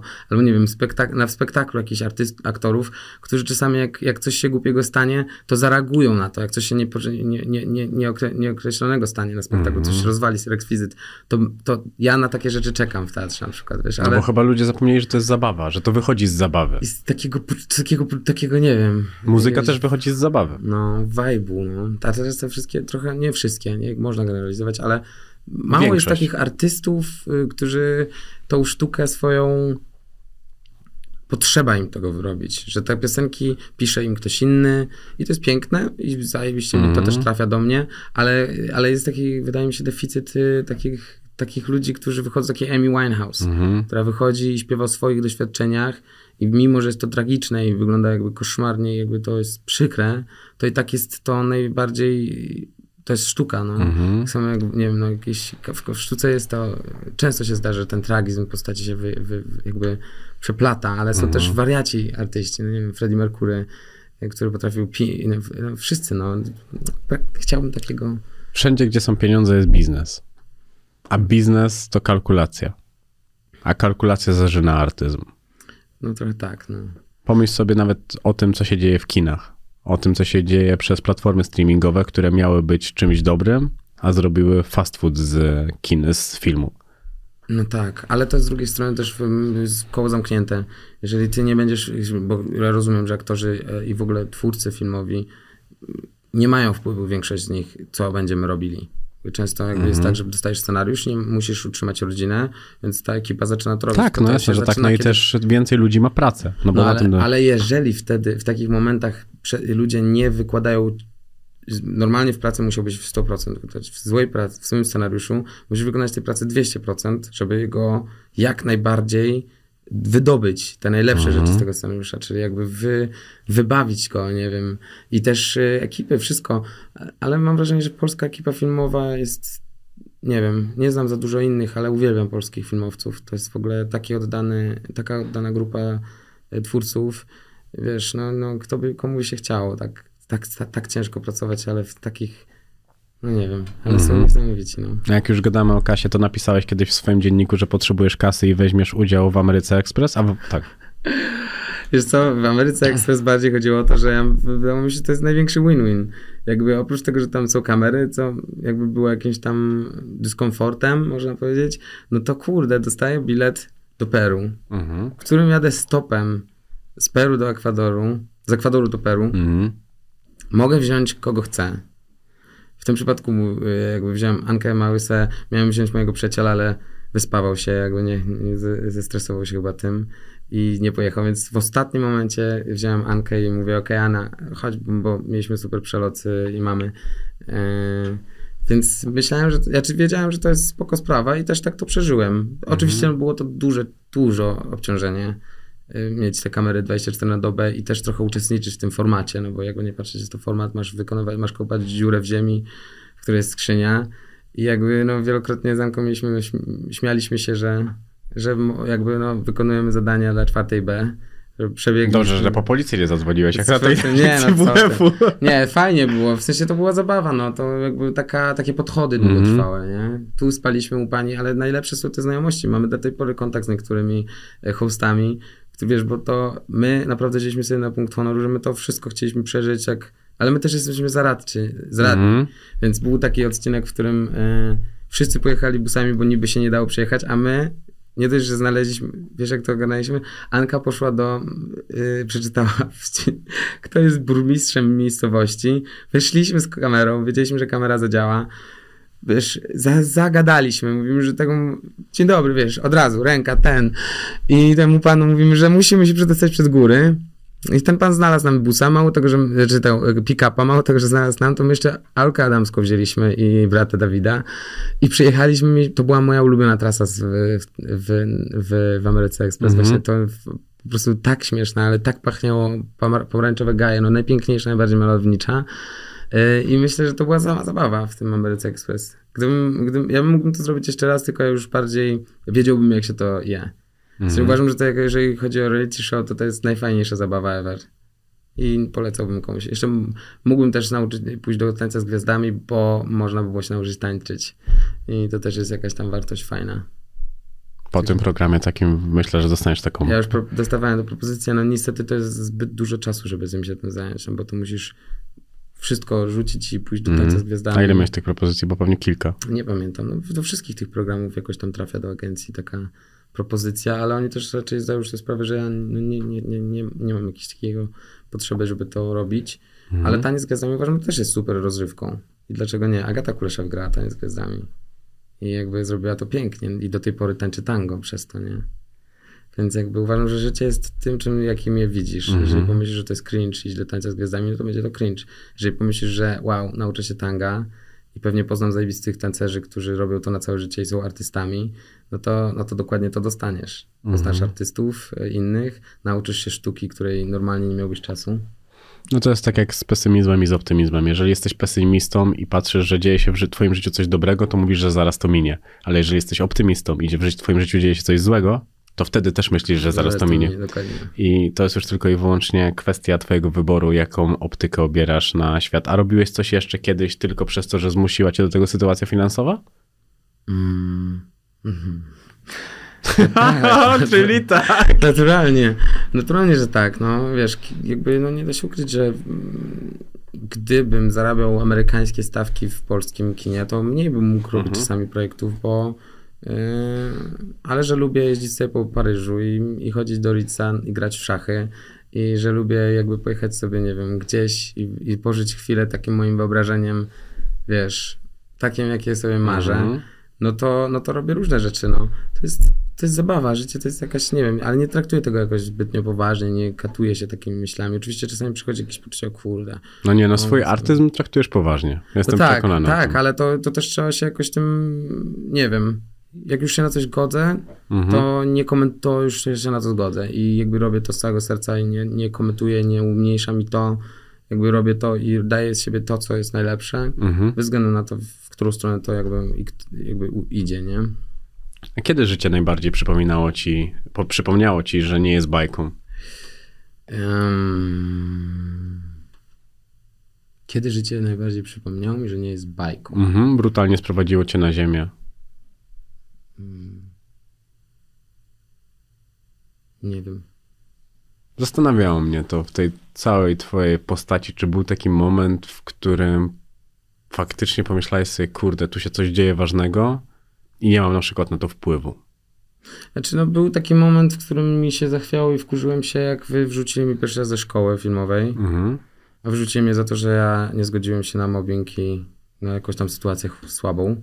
Czy jakieś przymuszenie nas do zrobienia czegoś, czego nie, mógł- nie obiecano nam, że nie będziemy musieli robić. Ja się sprzeciwiłem przed gronem pedagogicznym i powiedziałem, że jakby jest to absurd i że jesteśmy zmuszeni do mówienia naszych własnych przeżyć przed panią, która żuje gumę, pan pali papierosa elektrycznego, pani zasnęła, w ogóle nie znamy państwa, to jest niefajne. Wyszedłem Mhm. i wtedy mnie zagrożono. I ja wtedy miałem takie poczucie niesprawiedliwości, ale od razu sobie wymyśliłem, że za karę pojadę, jakby, że spełnię to swoje marzenie, którym miałem plan B, jakbym nie dostał się do szkoły filmowej, to, że pojadę do Rosji i, i założę cyrk bez zwierząt. Będę jeździł po tych takich największych, dalekich rosyjskich wsiach i będę im otwierał taki ten wóz cygański i będę im czytał poezję, będę miał jakichś fantastycznych, zbierał ludzi, którzy mają jakieś talenty dziwne, które mnie fascynują i taką karawanę sobie wymarzy- wymarzyłem. Więc to było taki moment, ale wyrzucali mnie później kilka razy, więc się przyzwyczajałem i jakoś tam wywalczałem sobie to miejsce, żeby zostać w tej szkole. I też stawiałem jakby sytuację jasno, no, wyrzucają mnie za to, że się z czymś nie zgadzam. Czy tak powinno być w akademii, w jakiejś szkole artystycznej? Nie sądzę. Więc jakby w pewnym sensie ym, miałem jakąś tam prawdę po swojej stronie. Artyści i młodzi artyści zwłaszcza mają prawo zadawać pytania, bo to jest właśnie przez cały system przejść edukacji i dalej chcieć zadawać pytania i się z czymś nie zgadzać, to jest coś dobrego chyba. Mhm. Więc, więc to był taki może moment. Twoje piękne czasy to też wtedy, kiedy grałeś w Norwegii. To jeszcze były czasy przez studiami, miałeś własną kajutę, biały skafander i cały pobyt od portu do portu grałeś wraz z Stian. swoim przyjacielem. Tak, tak. Stian się nazywał ten kapitan tego statku. Znalazł nas, bo pojechałem do, to jest śmieszna historia, pojechałem do Norwegii, e, bo wszyscy jechali do Norwegii pracować, moi znajomi. Wszyscy jechali pracować fizycznie, byliśmy 15, 16, 17, 18 lat i chcieliśmy tam zarabiać na swoje wakacje. No ja uznałem, że to jest bardzo szlachetne i fajne i zwłaszcza, że wyglądało to, jak wysyłali nam zdjęcia znajomi, że mamy kamp, że jest kamp w lesie piękny, w sensie, wiesz, wszystko tak z daszkiem, z wszystkim. Więc ja też postanowiłem, a zwłaszcza, że no, zdałem sobie sprawę, że jestem sam w Warszawie już, w sensie i sam w Polsce, Mhm. bo wszyscy moi znajomi pojechali, więc zdecydowałem też pojechać. A że nie miałem dużo pieniędzy i nie chciałem prosić rodziców za bardzo, to kupiłem, to, jest absurd, jak ja się spakowałem. Ja wziąłem torbę Ikei, w mojej Ikea wyobraźni istniała w twoim życiu długo. nie sprawdziłem sobie, że y, co w ogóle nie pomyślałem, jakby całe życie jeździłem na ryby z ojcem, a ja co kupiłem? Puszki fasoli i ryż i tylko to, bo pomyślałem, że no będę jadł puszki fasoli, to jest takie romantyczne, będę takim z tą fasolą, tak jadł tą łyżką. Kurwa, nie wiem, co ja myślałem. Yy, I pojechałem pracować fizycznie, ja, nie? Myślę sobie, dobra, będę takim facetem, wiesz, ubranie sobie wybrałem, fajnie, jadę. Nie star- starczyło mi biletu, naprawdę zostało mi jakieś chyba 50 złotych, jak dojechałem w środek lasu autokarem z Oslo i oni mieli mnie odebrać, wiedzieli, który przyjeżdżam, ale naprawdę to był środek lasu, wysadzili mnie w środku lasu na takim małym przystanku. No i czekałem tam, myślałem, kurde, nie wiem nawet, ja nawet nie wiem, gdzie ja jestem. I pada mi telefon i, i nie zapytałem ich nawet, z jakiej miejscowości są ten, jestem, bo to była spontaniczna decyzja, no więc przyjechałem. Oni po jakimś czasie po mnie podjechali tym czarnym golfem. E, no i zaczęło się. Ja zacząłem jeździć, rozdawać e, ulotki, ale no nie szło to najlepiej. Jeździłem na rowerze. W końcu znalazłem dom hipisów Eureka, super, że kazali mi skrobać tę starą farbę z, z drugiego Mhm. piętra na rusztowaniu, ale no nie szło mi to najlepiej, ale śpiewałem ładnie. Podczas miałem słuchawki, sobie podśpiewywałem, więc zmienili zdanie, że jednak nie będę skrobał, tylko zjem z nimi obiad w domu i będę coś tam śpiewał, później na łódkę mnie wezmą. I wzięli mnie na tą łódkę i okazało się, że jest festiwal łodzi drewnianych w Risor i ja tam, yy, i tam będzie w ogóle lepiej, może lepiej, żebyś nie skrobał, tylko żebyś śpiewał na ulicy. Dobra, zajebisty pomysł. Jadę na tę ulicę, a jeszcze po drodze rysowałem portrety pod sklepem Mhm. Dino, czy jakimś tam tym kiwi ich norweskim Mhm, tak, tak, tak. żeby zarobić w ogóle cokolwiek, żeby, żeby wnieść w ten dom, te- w to obozowisko, Mhm. chociaż owoce jakieś, więc rysowałem portrety. No i później wystawiliśmy się z moim przyjacielem Erykiem, Wiktorem Chłodym, takim wspaniałym gitarzystą, e, który też tam był. No i po pierwszych pół godziny znaleźliśmy Stiana, znalazł nas Stian, który wyszedł po piwko sobie, czy tam jakieś zakupy na śniadanko. Mm, nie można mówić tego, czy teraz w tej dobie Można. no. I generalnie poszedł sobie po jakieś tam zakupy i nas znalazł. Wziął nas, powiedział, słuchajcie, mam jeden z największych statków tu na tym porcie, chodźcie, pośpiewajcie mi i moim kolegom. No i okazało się, że oni są żołnierzami, pilotami, generalnie Mhm. jakimiś tam wysoko postawionymi rangą oficerami. I on mówi, ja jutro wyjeżdżam o 6 rano, tak was lubię, że jedziecie jutro z nami. Będziecie mieszkali na Mhm. statku i, i mi śpiewali, będziemy podjeżdżać do portów. No oczywiście, no kurde, nic lepszego, a zwłaszcza już dziabnięci, tam wiesz, zachód słońca, jasne, płyniemy z tobą. Popłynęliśmy, no i to była najlepsza przygoda w Norwegii w moim życiu. Jakby ja Norwegię mam trochę jakby blisko, ale to była taka Norwegia, że ja poznałem, wiesz, port od portu, mieliśmy, dostaliśmy białe skafandry z napisem Troubadour i, i, i po prostu śpiewaliśmy, wiesz, sobie, oni budzili nas, my wstawaliśmy, podjeżdżamy do portu, śpiewaliśmy. Później śpiewałem na ślubie jego brata, Mhm. na urodzinach 18 jego jakiejś siostrzenicy. Zostawili nam ten statek i wyspę całą z motorówką, w ogóle wiesz, no hit. A ile to trwało? Nie pamiętam, kilka tygodni. To było, to było z 2-3 tygodnie. I udało się faktycznie tam coś zarobić? Nie pamiętam. Myślę, że coś zarobiliśmy na pewno. Nie, no na pewno. Zapłacił nam, jeszcze kupił nam y, ubrania na ten ślub. W ogóle niesamowite to było, bo nie mieliśmy nic, nie pojechaliśmy z garniturami na ten, na ślub do, do Norwegii. Mhm. Więc to się wydarzyło tak, y, to było taka ma- magiczne, ale to śpiewanie na ulicy to się często w moim życiu działo. No też e, mi się podobały te historie o wyjazdach do Sopotu, że mówiłeś rodzicom, że już u kolegi, a rzeczywiście łapaliście stopa i tam lecieliście. Tak, tak, w Sopocie. Właśnie ostatnio, niedawno byłem w Sopocie i tak, wręcz naprawdę się wzruszyłem. Spojrzałem na taki zaułek, gdzie staliśmy kiedyś i to były takie złote lata. Ja byłem, wiesz, jeszcze mogłem być taką osobą, takim, takim sobą Anonimowym. anonimowym i takim tak bezczelnie sobą. Spałem na, na, na plaży, wiesz, wszystko co chciałem robić to robiłem, zarabiałem wielkie pieniądze na ulicy dla mnie, dla jako nastolatka, wiesz, że mogłem, mogłem spać w Grand Hotelu, ale my, wiesz, decydowaliśmy się jeść dobrze, bawić dobrze, ale spaliśmy na, na plaży z chłopakami, z Martyną Baranowską, więc to były dobre lata, no. A pomyślałeś w pewnym momencie, że to się właśnie teraz skończyło, kiedy pierwszy raz do ciebie zapukała taka duża popularność? Nie, nie, wtedy bardzo się cieszyłem i dalej się cieszę, że to się stało, no bo wszystko się dzieje po coś w jakimś dobrym momencie, dla, jakby mam wrażenie w życiu, więc wtedy, kiedy się pojawi, ja na ten, ta druga szansa była pierwszym takim moim y, projektem i ja w ogóle nie miałem nie jechać na casting, spałem wtedy y, z moją y, przyjaciółką z roku Karoliną Stawką, ale żadnych jakby podtekstów, po prostu bardzo się przyjaźniliśmy, po melanżu trafiliśmy i ja mieszkałem pod nią, ale z jakichś śmiechów, chichów nocowałem u niej. Wiadomo, każdy tak ma. Nocowałem u niej, ale no, no jakby se- seriously, dobrze. no, jakby żadnego podtekstu. No i, e, i co? I ona, ale mieliśmy, pamiętam, że kupiliśmy w nocy, wracając, całą paczkę tych gum z, z tatuażami. Mhm. I w nocy tak ha, ha, ha, wiesz, studia, to się wylepiliśmy całymi tymi y, tatuażami. I ja się obudziłem u niej i mówię, kurwa, w Warszawie mam casting do serialu, ale nie wiem, czym się chce jechać, no bo to jest cast, coś tam, jest studia, coś Mhm. tam. A ona mnie wręcz wykopała z łóżka i mówi, jedź, jedź, to jest casting, jedź. Więc pojechałem na ten casting, wszedłem na ten casting nie umiejąc tekstu, ale od początku zaplanowałem, że nie będę umiał tekstu, bo nie podobał mi się ten tekst, bo był napisany w taki sposób, jakby, nie, nie wiem, miał być to stand-uper, ten, ten bohater mój, Ksawery. Ja wszedłem na ten casting i powiedziałem, słuchajcie, przyjechałem tu z Łodzi, ale chcę wam od razu powiedzieć, że nie jest to dobre. Nie, jakby jeżeli chcecie trafić młodych ludzi, to to nie jest za, za dobre. No, ten stand-up mnie nie śmieszy na przykład, a wydaje mi się, że śmieje się dosyć często, więc ja wam mogę powiedzieć, że ja śpiewam i ten bohater może śpiewać. E, I tak się wydarzyło, że od razu right away dostałem tą rolę, tę rolę i, i się potoczyło. I później miałem taki fan, bo Magda Berus, moja partnerka filmowa, Mhm. była też niezłym, niezłym Ancomanem, super żarty miała i mieliśmy taką bekę grając to, że normalnie czasami aż, e, to wiesz, pierwsza komercyjna praca, więc totalnie nie wiedzieliśmy, jakby ja nie wiedziałem, ona już pracowała. Czasami wkurzaliśmy ekipę, bo mieliśmy głupawkę taką, wiesz, hardkorową, no. Że nie potrafiliśmy opanować, że na scenach, nie wiem, na przykład scen, były sceny, gdzie ja spałem, a ja normalnie hi, hi, się śmiałem pod tą kołdrą, że się trzęsła ta kołdra, bo Magda musiała grać. Fajne, to były bardzo dobre wspomnienia z tym, z tym czasem, z Małgosią Kurzychowską, z całą ekipą, Kasia Herman, wszyscy.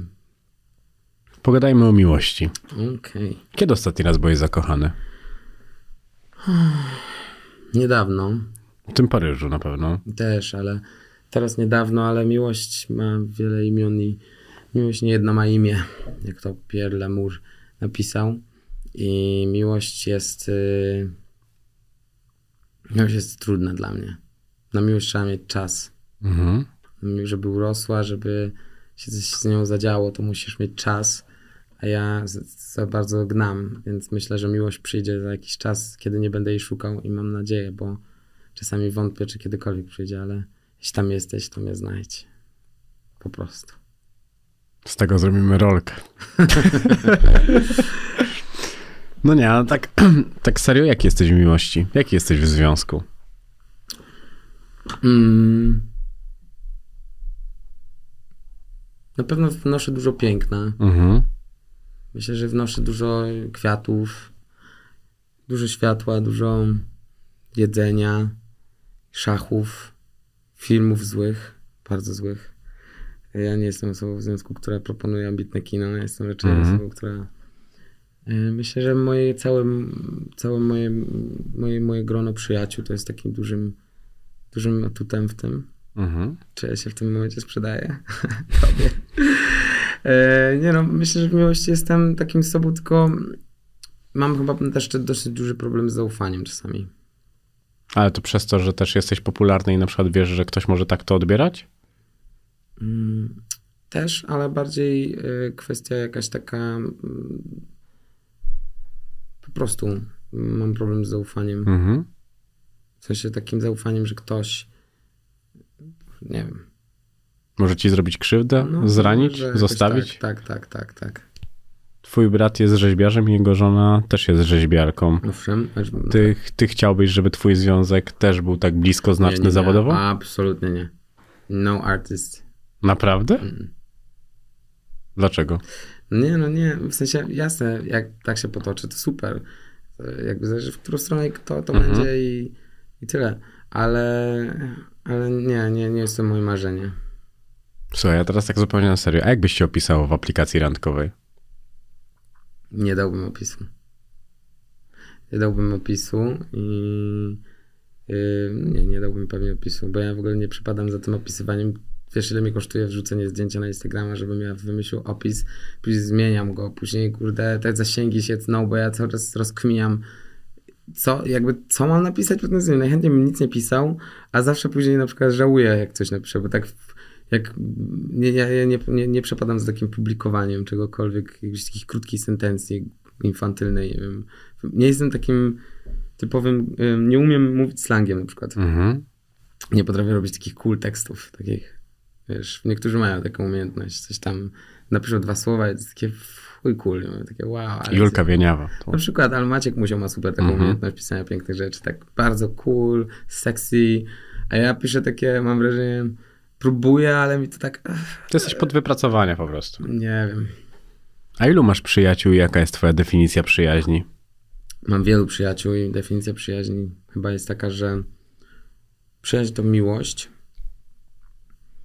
i przyjaźń to przyjaźń nie, nie musi być nad- jakby taka, że cały czas jesteśmy razem, że Mhm. musi mieć przestrzeń i nie posiad i to, co już się nauczyłem po największej stracie mojego najlepszego przyjaciela, to, że nie można mieć poczucia, że się posiada swojego przyjaciela, że jestem jego właścicielem albo że on jest moim, że jesteśmy sobie tacy jeżeli tam jest taka te, takie, takie poczucie, że ty jesteś moim najlepszym przyjacielem, Mhm. to, to się robi bardzo toksyczne i obciążone jakimś niepotrzebnym Y, I taka przyjaźń najczęściej się właśnie rozwali. To są te przyjaźnie młodości, takie, że Mhm.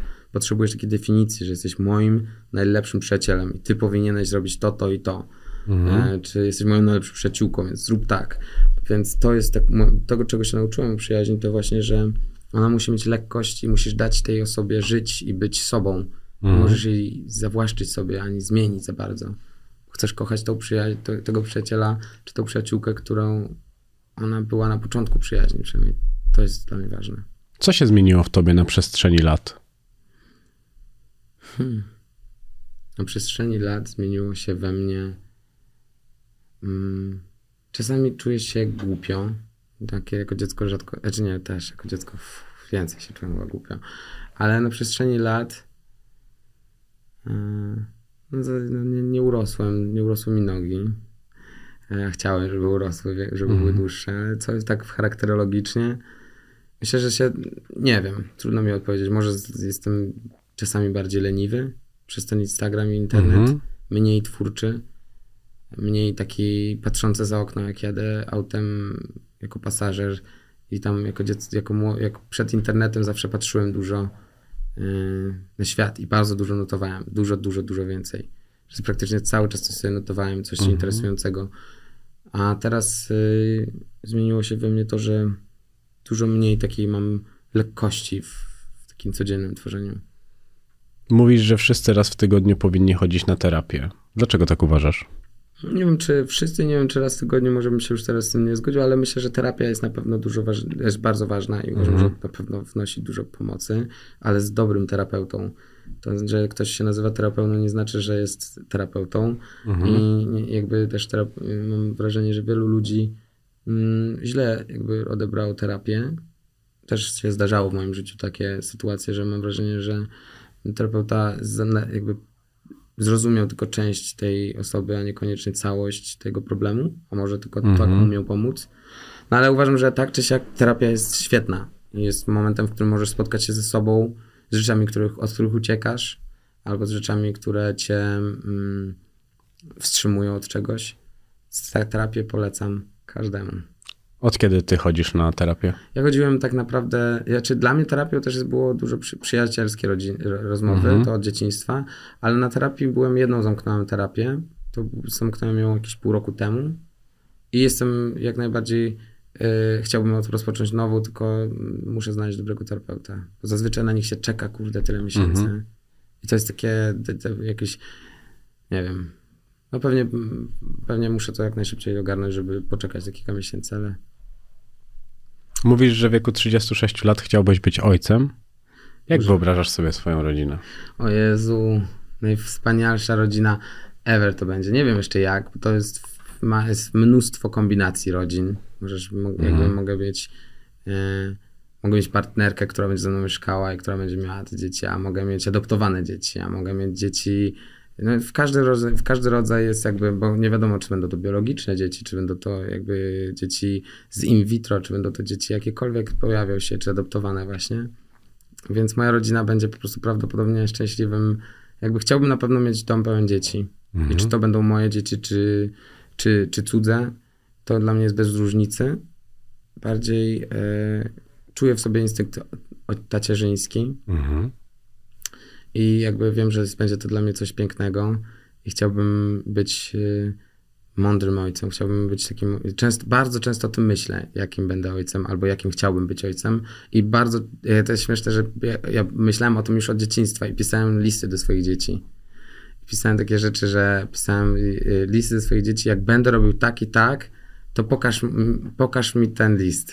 I tak robiłem jakieś sobie jakby uprzedzenia, że mm, no ale tylko, nie wiem jeszcze. A to na podstawie na przykład relacji z twoim tatą? na podstawie jakichś, wiesz, no, różnych przeżyć. To, to, to znaczyło, jakby mogłem, mógł mnie wkurzyć mój brat, albo mógł, mógł mnie czuć się wysłuchany. Więc no, na podstawie różnych przeżyć. Ale myślę, że myślę, że kwestia jest taka, że myślę, że kwestia jest taka, że ta moja rodzina, nie wiem jaka będzie, ale nie mogę się jej doczekać. I też kiedyś mi się, niedawno mi się przyśniła matka z trójką dzieci, która przyjedzie i będą mieszkali i jakby będą, nie wiem, będą dziećmi w domu. I wiem, jakby mam nadzieję, że, że, że ona może gdzieś tam jest, może jest y, już niedaleko. No ale dom jest duży i na pewno mega słabo byłoby tam być jeszcze kilka miesięcy samemu, więc czekam na panią Gosposię na przykład. To będzie część mojej rodziny. Ja nie wiem, w którą stronę to się potoczy, bo jestem Mhm. dosyć otwarty, jeżeli chodzi o, o, o sprawy yy, sercowe. Więc w tym momencie myślę sobie, że na pewno częścią mojej rodziny będzie moja pani niania Gosposia, kimkolwiek ona będzie, Mhm. chciałbym, żeby nie miała innej rodziny niż ja. To jest takie moje jakieś marzenie, żeby ona nie miała męża, nie miała dzieci, żeby po prostu się znalazła taka osoba, która po prostu już będzie z nami i na naszą rodzinę. Jakby będę, Mhm. jakby wiem, że są tacy, takie historie na świecie. Jest na pewno gdzieś tam taka kobieta, która nie wiem, może straciła kogoś albo i teraz nie wie, co robić i, i, i takiej, i wiem, że jakby przyciągnę do siebie taką osobę. Może przyjdzie to, e, zobaczymy. Mhm. Może to będą dzieci mojego, moich przyjaciół, którzy będą mieszkali u mnie w domu. Może to będzie, nie wiem, nie wiem, pełno jest tych opcji, pełno jest marzeń. Eksperymentujesz poszukując siebie? Tak, tak, tak, tak. Myślę, że tak. Ale nie wiem, czy tak bardzo siebie poszukuję jeszcze, że jakby coś się, to, to idzie po drodze, po prostu Mhm. odnajduję siebie. Nie wiem, czy jakoś szczególnie wy- wyszukuję czegokolwiek, tylko idę i nagle się potrafię zaskoczyć, o kurde, czyli taki też mogę być. Mhm. Albo i jeżeli mi się to nie podoba, no to jest, czuję wstyd i muszę to zmienić, a jeżeli y, nie umiem tego zmienić, to akceptuję to przez jakiś czas i mam nadzieję, że za jakiś czas będę umiał to zmienić. Że jestem taki do siebie, staram się być dla siebie łagodny i jakby czuły, że nie Mhm. muszę być jakby, nie muszę siebie wyszukiwać jakoś szczególnie. Jestem taki, jaki jestem teraz i wierzę, że jestem najlepszą wersją siebie, bo, bo postaram się taki być. A kiedy ostatni raz czułeś wstyd? Nie tak dawno. Myślę, że często czuję wstyd. Często na przykład, nie wiem, no ostatnio byłem na jakimś spocie i yy, takim secie i egotycznie poczułem, że zostałem jakby źle potraktowany i wyraziłem swoje zdanie, ale w taki okrężny sposób, ale to było takie słabe, jakieś takie, że już kiedy to się działo, wiedziałem, że to są emocje, że nie mam nad nimi w tym momencie Mhm. kontroli. Nie zrobiłem nic głupiego, nie powiedziałem nic głupiego, ale czułem, że jest to słabe i że ja się źle z tym czuję. Ale zazwyczaj w takich sytuacjach ja od razu, jakby wystarczy mi wyjść na chwilę na dwór, wrócić, powiedzieć, wiesz co, było to słabe, sorry, jakby poczułem się tak i tak, bo na przykład, nie wiem, miałem gorszą garderobę i zastanawiałem się czemu. A ty na przykład rzuciłeś mi e, jakimś tam tonem e, lekceważącym coś tam, albo zaprosiłeś coś tam. To jest takie, jakby każdy ma słabości, jakieś ego, y, i które, które co jakiś czas się wydobywa i wyrzuca ci jakieś niepotrzebne rzeczy, ale najważniejsze, żebyś, nie wiem, w porę umiał, po prostu miał jaja się do tego przyznać. No, nikt nie Mhm. jest z nas jakimś tam chodzącym ideałem. Jakie pytania najczęściej zadajesz sobie sam? Mm, Jak będzie miała na imię moja córka Mhm. oraz mm, czy kiedykolwiek będę w stanie dokończyć e, płytę, Mhm. chociaż już się to musi wydarzyć, bo chcę tego bardzo, więc to już nie, przestało być zadawane, ale też na przykład moje pytanie, czy bardzo się często zastanawiam, jakby czy, często się zastanawiam, jest jakby autokorek, ko- jakby robię taką autokorektę, jakby czy jestem dobrą osobą i cały czas jakby to Mhm. mnie tak jakby, czy nie, po, nie omijam jakichś rzeczy, nie wiem, nie przez to, że jestem dosyć mocny, czy nie jakby zabijam czegoś w koło, przez to, że tak płonę jakby często, intensywnie.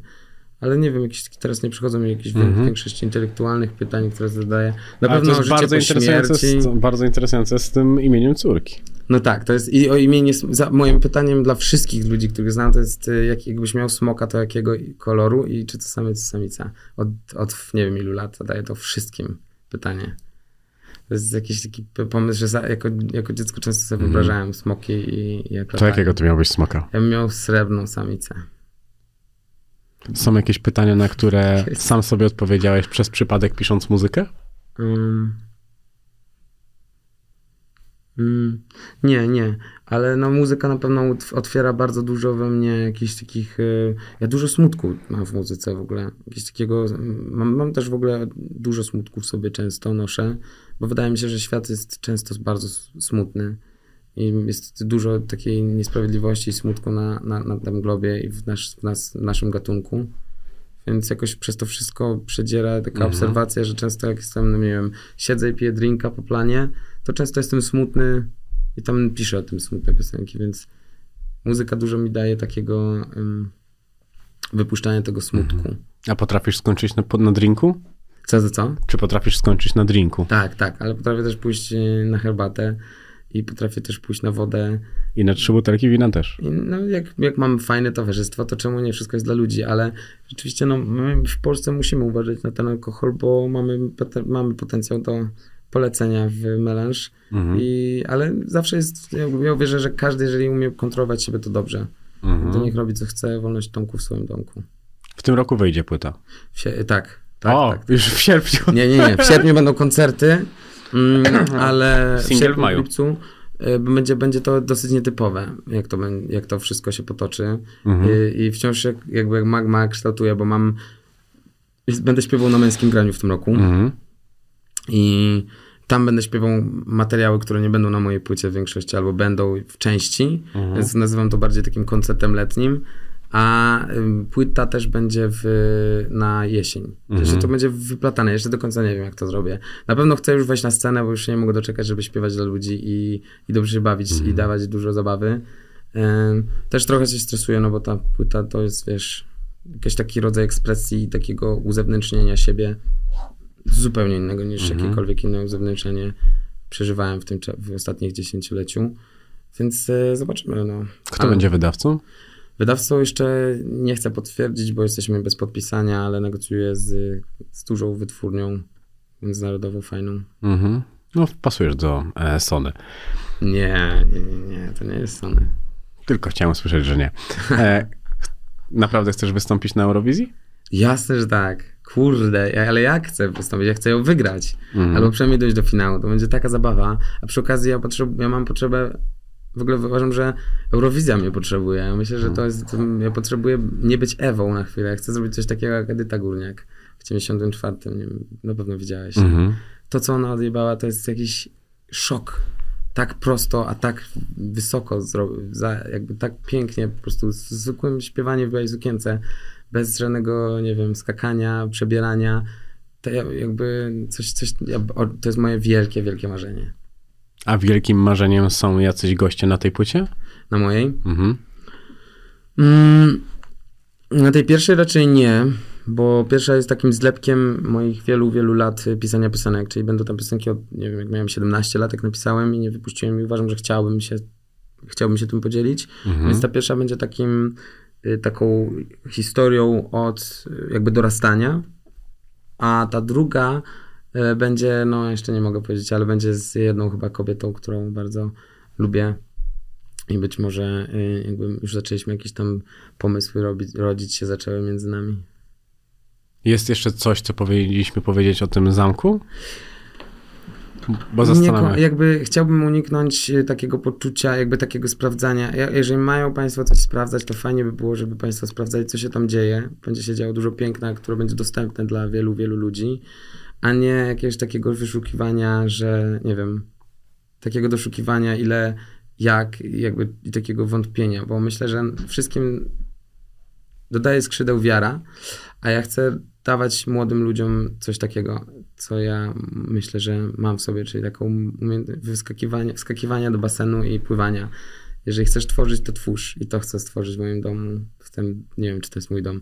Ja cały czas myślę, że ten zamek mnie posiada. Że ja, nie, ja, ja- umrę, a on dalej będzie tam stał, tylko że trochę ładniejszy, no bo go wyremontuję, wstawię okna, mm, dobuduję te piece, co ktoś ukradł yy, i zostawię, nie wiem, może więcej ludzi w nim będzie żyło. Ale no, myślę, że ten zamek to jest, yy, to będzie piękne miejsce i nie mogę się doczekać, żeby wszystkich tam was gościć w restauracji, w galerii czy w parku. Będzie pięknie. Piękną puentą tej rozmowy będzie to, jak mówisz o starych czasach, że czujesz się jakbyś znajdował się na tonącym Titaniku, ale zamiast szuka- skakać do wody i się ratować, nie możesz przestać słuchać muzyki wciąż e, grającej orkiestry na statku. I to będzie bardzo Ja ładna, tak, to będzie bardzo ładna puenta naszej rozmowy. Bardzo i to bardzo Ci dziękuję. Bardzo dziękuję, Dawid.